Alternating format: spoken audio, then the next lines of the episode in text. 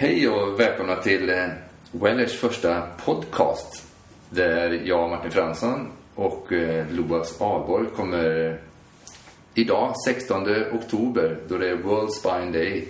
En dag som har fokus på ryggradens hälsa och vad det har för någon effekt om vi tar hand om vår ryggrad för vår hälsa. kommer vi presentera våra koncept och våra tankar, hur vi jobbar med det och erfarenheter kring det. Och du har jobbat länge som kiropraktor med just det här systemet som vi använder då, Network Spinal Analysis. Om vi ska dra lite grann där, ryggraden som en källa, en port till hälsa. Varför är det så viktigt att ta hand om ryggraden precis som vi sköter om vår tandhälsa? Mm. Hej, det här är Loas som sagt var. Eh, jättetrevligt att vara här och prata. Eh, det är ju så här att när vi eh, lever och fungerar så behöver vi ett nervsystem, vi behöver en kropp och eh, ryggraden är egentligen det som är den här porten emellan. Det är kopplingen emellan kroppen och nervsystemet. Eh, det är som en kopplingsstation, en stor växel där allting måste ske. Och om den fungerar bra, då har vi också en bra kommunikation inom oss. Och inte bara inom oss, utan mellan oss, också eh, mellan individer. Allt händer i det här området. Därför är det jätteviktigt. Mm. Och det här kommer vi utforska under dryga en halvtimme idag. Vi kommer ha fler podcastar där vi kommer lägga ut så kan ta del av och utforska mer kring det här med hälsa och hälsokonceptet. Och jag brukar alltid fråga människor när jag kommer till mig första gången, vad är det viktigaste ryggraden gör? Och då får man det här svaret att ja, men den bär upp oss, den är en kotpelare, den ger oss rörlighet och flexibilitet. Men just det att det som vi alla egentligen vet för vi vet om det, har någon varit med i någon bilolycka eller skadat sig, att ryggmärgen får inte skadas. Hoppas ryggraden inte har skadats så mycket så att ryggmärgen skadas. Att den viktigaste funktionen för vår ryggrad är att den skyddar ryggmärgen. Mm. Precis som skallen skyddar hjärnan. Och att det är den grundförståelsen som så mycket annat spinner ur så att säga. Att vi förstår den här intima kopplingen mm. eh, för vårt, vår hälsa och vår välbefinnande. Så nervsystemet styr allting i vår kropp. Och det blir ju då alltså ryggradens absolut första och viktigaste funktion. Sen har den en mängd andra funktioner också naturligtvis. Precis som, som du sa. Eh, rörlighet, flexibilitet. Men en annan otroligt viktig funktion som vi ibland glömmer bort det är ju faktiskt att det också är en viktig, viktig del i vårt kroppsspråk. Mm. Hur vi kommunicerar både i oss själva och mellan oss själva. Så att hållningen är också en, en funktion som är otroligt eh, integrerad i, i vår ryggrad. Mm. Och på så sätt så kan vi också förmedla information om oss själva och mellan på ett bra sätt. Mm. Och det stämmer så väl. Jag, jag började meditera meditation när jag var 14 år och med yoga och aikido-träning och karate. Och då kommer jag så väl ihåg en sån stycke i en bok där liksom en, en zenmästare blir tillfrågad då, men, har, eh, har du liksom buddha-buddha, har du liksom, är du upplyst eller inte? Så bara satte han sig ner och visade sin hållning. För det är liksom, hela den asiatiska traditionen är som så att den, den eh, perfekta hållningen är också ett uttryck för det perfekta förhållningssättet till sig själv och omvärlden. Det gestaltar det. Det är liksom ett uttryck för det.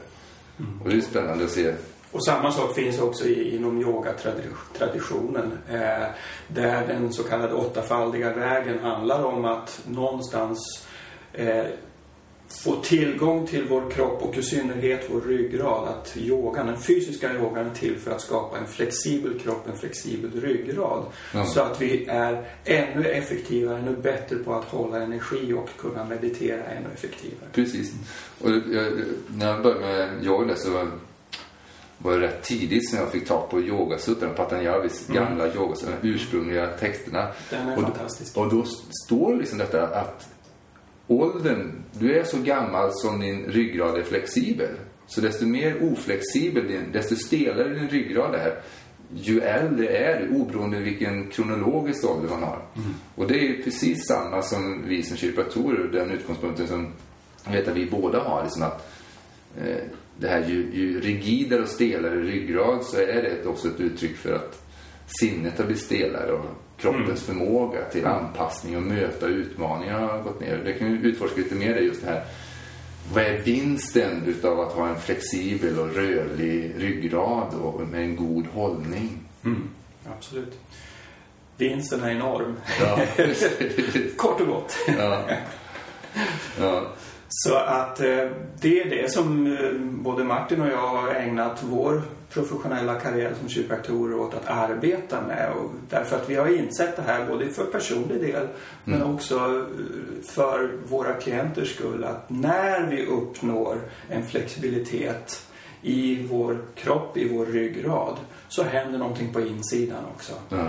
Det, och det är det som är så viktigt eh, att, att uppnå. För det är inte förrän vi förändras på insidan, det vill säga vem vi är och vilka ramar och förhållningssätt vi har, som vi verkligen också kan förändra vårt förhållande till, till livet och vad vi gör och våra handlingar och allting sådant. Mm. Precis vad vi väljer. Och det är det som eh, är spännande med just Network Spine Analysis. Just den studie som har gjorts, de två studier och det, de resultat vi ser. Just den här förmågan att göra fler hälsobefrämjande val. Och också att det här förmågan att välja bort sånt som inte är bra för oss. Och att det inte kommer från några regelverk, vad man borde eller inte borde, eller vad någon bok säger. Den här inre impulsen, vad vårt nervsystem, vad, vad vårt väsen säger, att den blir tydligare och starkare att följa de impulserna när vi inte är i, i stressfysiologi. När, vi, när vi hamnar i stress så brukar vi ofta säga att då, då beter vi oss ungefär som en huvudfoting. Ja. Vi har ett huvud och eh, möjligtvis en liten pinnig, spretig kropp som har som enda funktion att ta huvudet till och från jobbet eller någonting annat. Eh, när vi jobbar med människor på det här sättet så börjar vi också utveckla något som vi enkelt skulle kunna kalla för kroppsmedvetenhet. Ja. Och det är då som vi också kan börja lyssna på de här fantastiska signalerna som vår kropp ger oss. Eh, bland annat symptom faktiskt. Ja. Eh, för symptom är ändå kroppens sätt att säga till oss att nu får vi nog ta och lägga, trycka lite på pausknappen här och se vad som händer. Hur mår jag egentligen? Vad är det som händer? Vad måste förändras? Så just det här att upplevelserna i vår kropp, symptom till exempel, det är egentligen i grunden vår vän om vi bara är kapabla att lyssna på dem. Exakt. Men trycker vi på snosknappen tillräckligt många gånger så kommer vi till en annan position och det, det är då som vi egentligen börjar uppvisa problem. Mm. Och det är den här älskade Donald Epstein, grundaren av Networks eh, systemet, hans liknelse så här, vill du helst höra ett lejon på flera kilometers avstånd eller vill du att det andedräkt, dess vrål när den biter om ditt huvud ska vara det sista du lägger märke till? Just den här sensitiviteten som vi behöver utveckla. Och just det vi har eh, lagt fokus på. Jag var började sedan 96 och du sedan 95.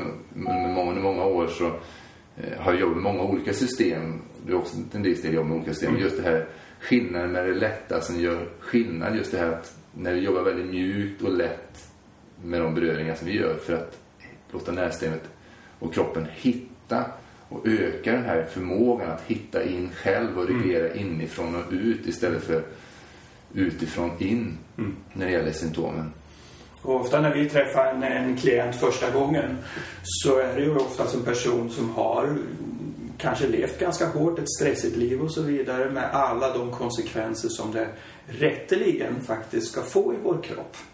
Eh, och det första vi behöver uppnå då är ju att återkoppla, att återfå förmågan till avslappning för den har ju faktiskt gått förlorad någonstans på vägen. Ja. Vi tror att vi eh, är avslappnade men väldigt ofta när vi verkligen går in och känner efter i muskulaturen, i responset i nervsystemet så märker vi någon, en, hel, ser en helt annan typ av bild. Precis. Och då kommer vi tillbaka till det här med symptom. Symptom som en budbärare. Att det, vad är precis rätt med det? Och det är ju liksom ett förhållningssätt att börja vara i, så att säga. Som, man brukar alltid säga, ställa frågan som, vad är precis rätt med det här symptomet? Det här, hur kan det användas till fördel istället för att vara till eh, hinder eller nackdel? Så att det blir en del, som verkligen att det är en del av läkningen. Eh, Den, att börja vara i det sättet, förhållningssättet till sin kropp och sina symptom. Då. Absolut.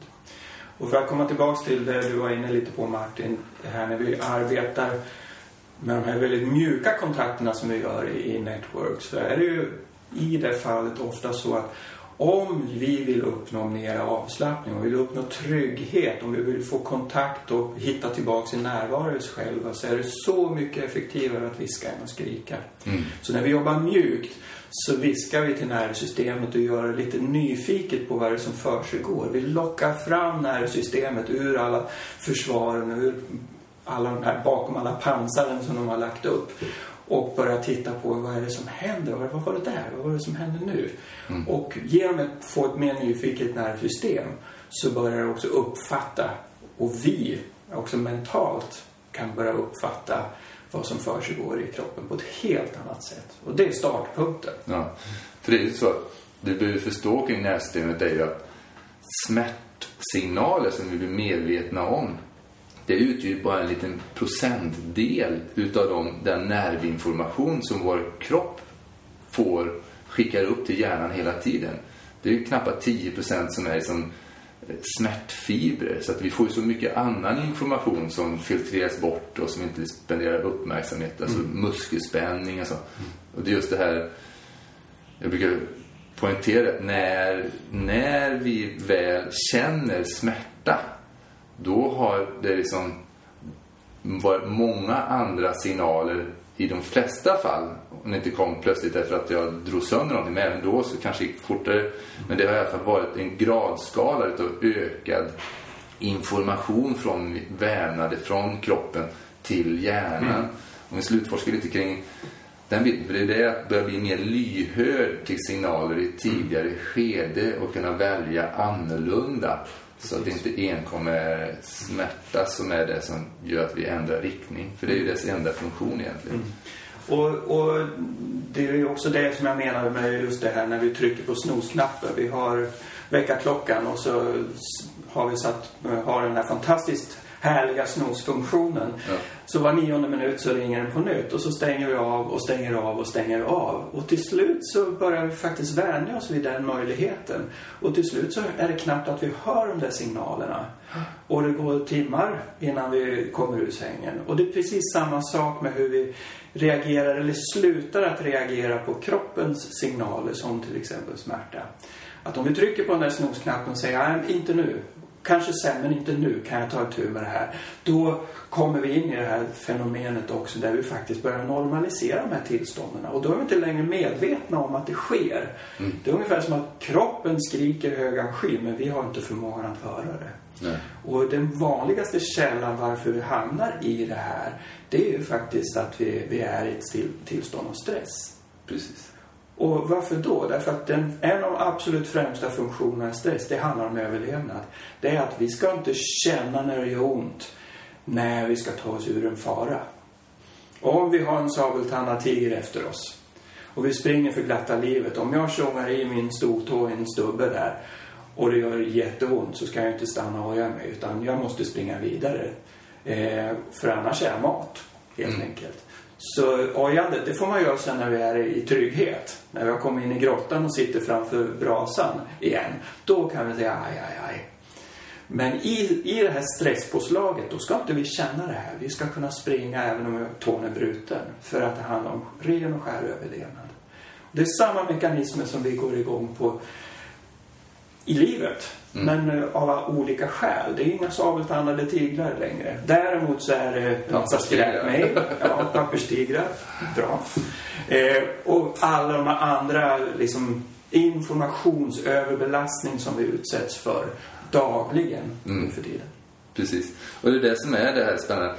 Alla de här systemen som vi har i kroppen, de är ju helt perfekta som de är i den miljön de utvecklades, när de utvecklades. Men just det att de här gamla delarna av vår hjärna, reptilhjärnan och däggdjurshjärnan, de är ju utvecklade när farorna var mycket mer konkreta. Mm. Det var sabeltandade tigrar, det var liksom andra stammar som kunde attackera, det var liksom överlevnad.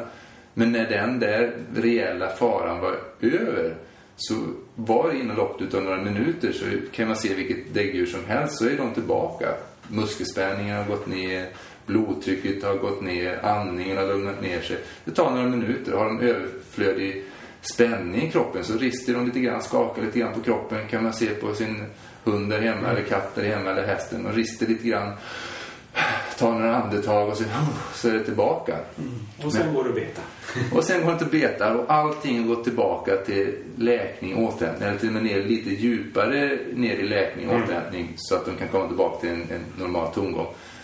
Men just det vår moderna hjärna har liksom satt lite för mycket kontroll på de där mekanismerna. Mm. Det jag tycker är så spännande med det eh, system vi jobbar och mycket annat som vi erbjuder här på Wellers med att det handlar om att få hjärnans olika system, de olika delarna av hjärnan evolutionsmässigt att samarbeta effektivare. Mm. Så att den här kontrollhjärnan, hjärnbarken kan få släppa lite grann på kontrollen så vi kan återta de här strategierna för att reglera den här stressen som vi går omkring och bär på mm. konstant och inte medvetna om i form av det som är unikt med traumahealing och network care, det här kroppen börjar andas annorlunda igen och börjar röra på sig spontant för att reglera. Mm. Eh, det kan vara kul att höra våra egna personliga, för vi har ju båda liksom sadlat om på olika sätt i våra liv.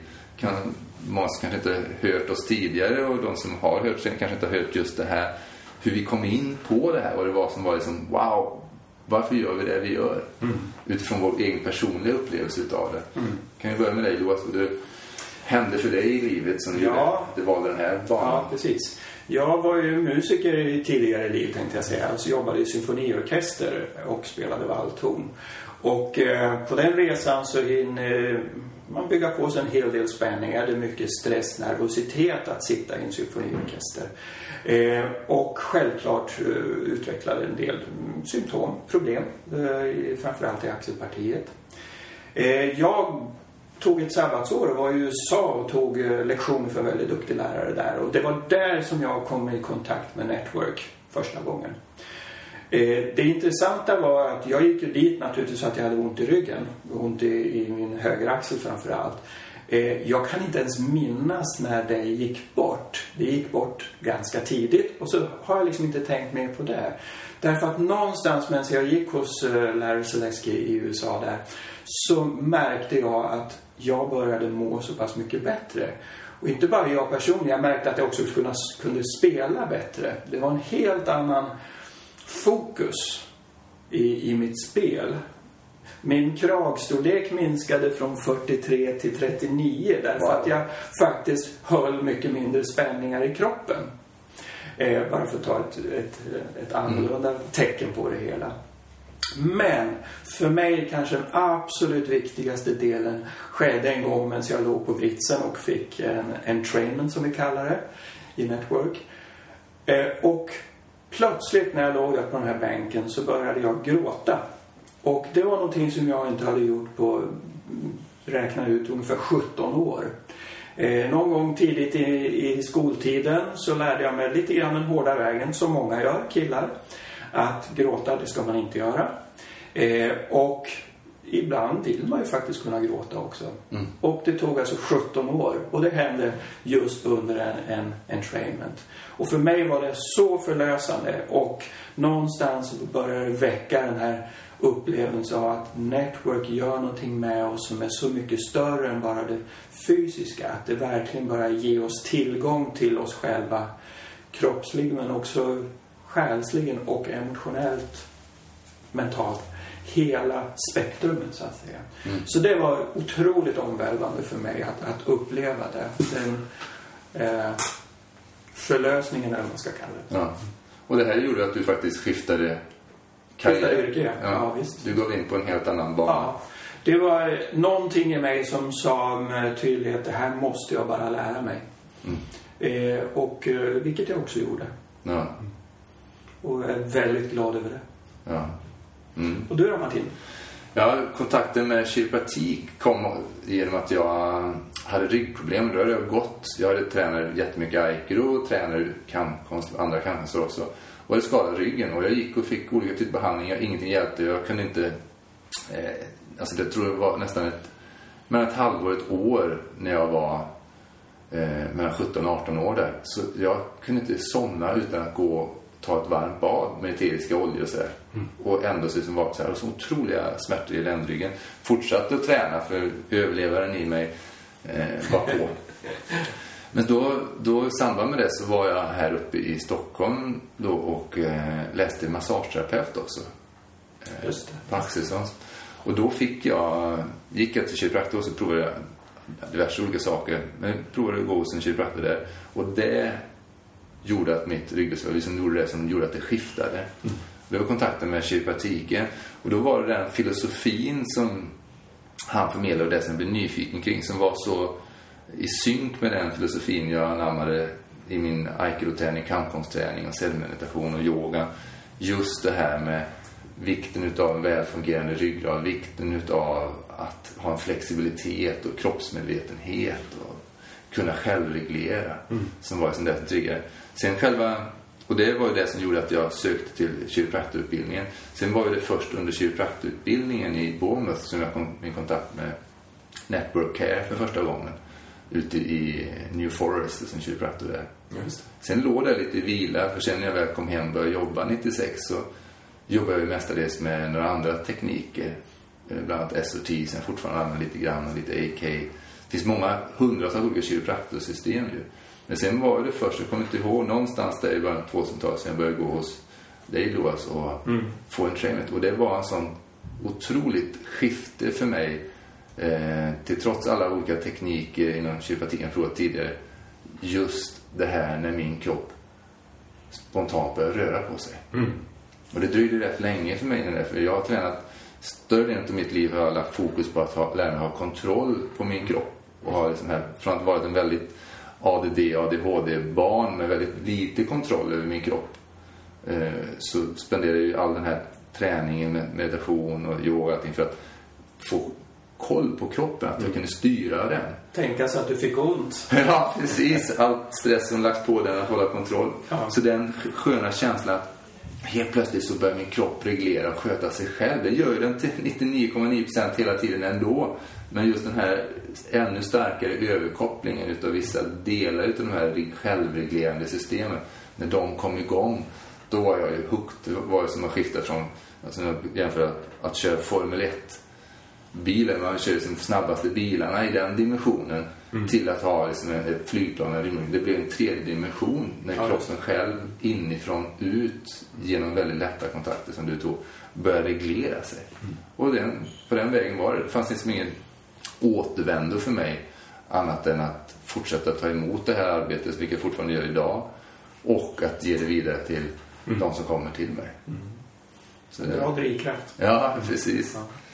Men det, att komma tillbaka till det här med, för många söker ju oss ut, utav olika anledningar var man kommer in från. Jag kan se ett, ett jätteskifte från eh, min gamla verksamhet till min nuvarande verksamhet. Jag har ju långt mer sällan rena smärtpatienter mm. eh, som kommer. Utan det är ju olika former av stressproblemställningar där smärta i rygg och nacke, axlar är ju en, en underdel så att säga utav ett helt landskap utav andra tecken, symptom på, på att hälsan inte är i topp. Och vi mm. tänkte, vi skulle sa till dig innan vi skulle prata lite grann just om vad hälsa är och vad är, vad är friskt så att säga. Mm. Friska symptom mm. och hur vi kan lära oss att navigera i det här land, inre landskapet med tecken från vår kropp. Mm. Så det inte bara är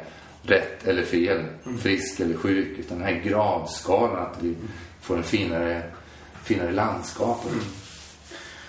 Ja, hälsa är ju otroligt komplext egentligen. Men vi har ju, egentligen så är det faktiskt så att man måste titta på vad hälsa är ifrån ett nästan socialt kulturellt perspektiv. För att i, i vår kultur så, så, är vi rätt så intrimmade på att hälsa är någonting som är mätbart. Det är konkret. Det är antingen så har vi det eller så har vi det inte. Mm. Och att det, det, är nästan så att det, det ska gå att läsa av utifrån mm. ungefär. Eh, det mesta tyder egentligen på, och, tittar man på olika definitioner, allt från WHOs och så vidare, så är, ser vi egentligen mera hälsa som ett inre tillstånd.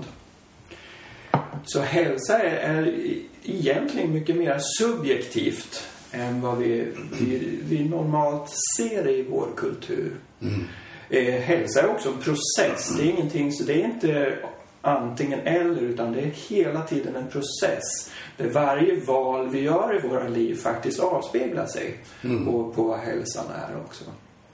Så det innebär att mm, det sätt vi tittar på och jobbar med människor innebär också att vi någonstans också faktiskt behöver skifta kulturen för att börja titta på vad vår hälsa är utifrån andra parametrar, andra, andra förhållningssätt. Mm. Och när vi gör det, då börjar vi också upptäcka att ja, men mycket av det vi upplever som ohälsa, det är ju faktiskt någonstans vårt, vår kropps eller vårt sinnets sätt att säga stopp. Någonting är, börjar gå lite för långt eller känns inte bra just nu. Så det ber oss trycka på pausknappen och börja göra en, en utvärdering. Vad händer? Hur mår jag? Och i, i slutändan, vad måste förändras? Så vi brukar säga att symptom betyder egentligen tre saker. Stopp, känn efter och förändra någonting. Mm. Så det är liksom grunden för det hela. Ja. Så det, det viktiga i det här, det, det handlar ju just om vår förmåga att kunna göra den här processen. Och i det så har vi liksom kommit upp med lite olika uttryck. Och en, en liten klassiker är ju att det jag upplever just nu, är det friskt sjukt eller är det sjukt sjukt? Mm. Som vi brukar säga. Och vad betyder det då? Jo, när någonting är friskt sjukt så innebär det att det här är i grund och botten ett respons. Ett friskt respons på en sjuk situation. Och tar vi ett enkelt exempel så kan vi ju säga så här. Jag börjar bli förkyld. Näsan rinner. Jag börjar få feber. Jag känner mig skruttig och och öm i kroppen. Och då kan vi naturligtvis titta på de olika symptomen. Feber, hmm. Om febern går upp, kulturellt så kanske vi ska ta en febernedsättande tablett. Mm. För att trycka ner febern, för febern känns inte bra. Feber betyder sjuk. Och om vi gör det så motsätter vi oss kanske i grunden också immunsystemets sätt på att göra oss frisk. För det friska i det här, det är att vi har ju någonstans drabbats av ett virus eller en bakterie. Och någonstans så gör kroppen sitt absolut bästa för att göra oss kvitt det här. Och hur gör Mm. den det? Med att bli snorig, rensa slemhinnorna, Ja. hosta, få ur lungorna och trycka upp febern som gör att miljön för den här bakterien, viruset, blir olidlig Ja. och har svårt att, att växa till. Då, så, det friska i att bli förkyld, det är ju symptomen. ja, precis. Och det här kan vi ju applicera på en mängd olika Ja. situationer. Och den är jättespännande just att få den förståelsen. Och det spännande perspektivet att det är ju nu hundra år sedan där kiropraktiken fick igen sin stora genomslag i USA. Det är många som inte vet om. Jag visste inte om det själv som kiropraktor fram tills, ja, jag hade varit verksam i alla fall fem, sex år fick jag höra den här historien på ett seminarium. Just att det var en jättestor pan- influensapandemi under första världskriget i USA. För hundra år sedan. Där, eh, om det var 10 miljoner människor som strök med i den här influensapandemin. För då hade man ju inte något eh, antibiotika, penicillin ännu. Men de människorna som eh, gick till kiropraktor, det var ju hög som låg i samhället. Det var så många incidenter i olika stater, i olika samhällen där människor tillfrisknade. Allt ifrån sådana som var utdömda utav vad läkaren sa att vi kan tyvärr inte göra mer, de här kommer dö. Och till andra fall liksom att de blev mycket snabbare på tillfriskning genom att de gick till kiropraktorn. Det var det som gjorde att de första kiropraktorerna i de olika delstater fick legitimation och fick godkännande. Och då handlar det inte om att eh, behandla en bakterie eller ett, ett virus som låg till grund för en influensa. Utan det handlar om den här grundprincipen som kiropraktiken vilar på. Att när vi så att säga ger kroppen och näringssystemet bästa möjliga förutsättningar att vara i läkningsfysiologi, tillväxtfysiologi, då läker kroppen ut. Bästa medicinen kommer inifrån ut. Sen kan vi behöva stöd utifrån på olika sätt. Men just att Det är den, den uppmärksamheten kiropraktiken har, vi som kiropraktorer, att titta på hur kan vi stödja den naturliga läkningsförmågan i kroppen mm. via att se till att nervsystemet fungerar så bra som möjligt. Och vår kropp är ju helt fantastisk. Den är ju i grund och botten sitt eget apotek. Ja. Vi kan tillverka i princip allt som behövs mm. för att eh, tillfriskna ifrån en mängd olika situationer. Mm. Så att eh, kunna befrämja den förmågan, det är en av de viktigaste funktioner som vi ser att vi har när vi mm. jobbar med det vi gör. Eh, och det, det kommer så av att vi jobbar på just att uppnå den här flexibiliteten i, i vår kropp, vårt nervsystem, vår ryggrad.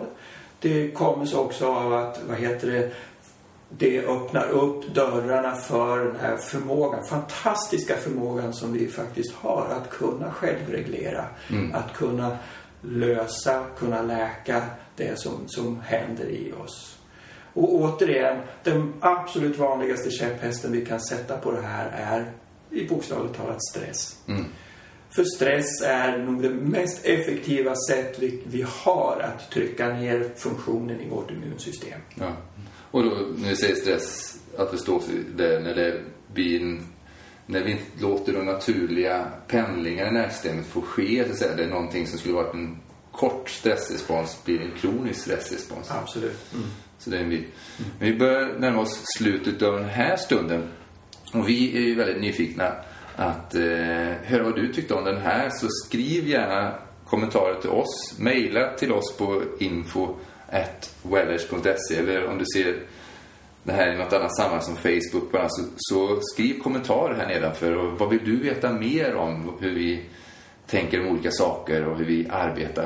Jag kan säga kort det som en, en stor skillnad med sättet vi arbetar just. Vi pratar om ryggraden som en källa, en port till en bättre hälsa. Men vi bara vad ens ge någon kort infallsvinkel hur vi tittar på, om någon kommer till oss, hur vi tittar på och använder ryggraden som en, eh, en instrumentpanel såväl som ett stämningsinstrument för att potentiellt påverka hälsan och välbefinnandet. Om du skulle ta, hur skulle du beskriva så att säga Ja, alltså det finns ju flera nivåer på det hela. Det finns ju en rent tekniska nivå när vi tittar på hur rör sig ryggraden? Vad är graden av flexibilitet? Men det som egentligen jag tycker är mest intressant är ju att se avtrycket i vår kropp, i ryggraden, på det tillstånd vi är i. Så om vi är i stress, om vi har gått lite i baklås om man säger så, så avspeglar det sig som vad vi kallar för ett spänningsmönster. Mm. Och det är egentligen tillstånd. Och tillstånd, insidan syns på utsidan om man säger så. Ja. Och det är där som, som det, det viktiga och informationen kommer som jag ser det. Och just det här att, att titta på använder när vi undersöker någon i stående, sittande, liggande håller kroppen mer eller mindre spänning än vad situationen kräver? Mm. Är den så energieffektiv som den borde vara? Eller är det liksom spänningar som... Man håller spänning när man ligger ner som är lika så mycket som man skulle behöva för att stå upp eller gå eller stå och trycka emot någonting. Det är ju inte så särskilt effektivt och särskilt om det hålls automatiskt, mm. kroniskt. Och då är väl den distinktionen också att inte bara att vi tittar på det här, hålls det för mycket eller för lite och vilket mönster det bildar utan det är när vi sen hjälper hjärnan att hitta och släppa på och reglera det här till någonting som är mer energieffektivt istället för att gå på de eh, mest spända områdena primärt så är ju, tittar vi på vad är porten? Vad är det systemet det är som mest öppet och avslappnat? Mm. Där det är som mest mottagligt för en lätt beröring som kan göra den största skillnaden. Det lilla som gör den stora förändringen. De här tillgångsområdena, eh, vad vi då kallar för en gateway på klingande svenska. Precis. det är så tjusigt. En del saker är inte så lätt att hitta de svenska orden för. Men det här är en, vi också kallar en helogen zon, inte en erogen zon då. Mm. Just det här att det är en zon som verkligen när vi berör de här zonerna, de här områdena, de här reflexpunkterna så ger det hjärnan återigen möjligheten att uppdatera kartan, att den blir mer hel. Mm. De här områdena som har glömts bort och tryckts undan mm. blir mer tillgängliga för att den ska igen, aha, det här kan jag ju faktiskt ändra på inifrån ut. Vi tackar för oss. Har du någon sista liten tillägg? Eh, inte för ögonblicket. Det var trevligt att sitta och prata. Ja, fantastiskt. Vår Hoppas första... någonting utav det vi har sagt. Ja, tackar för nu.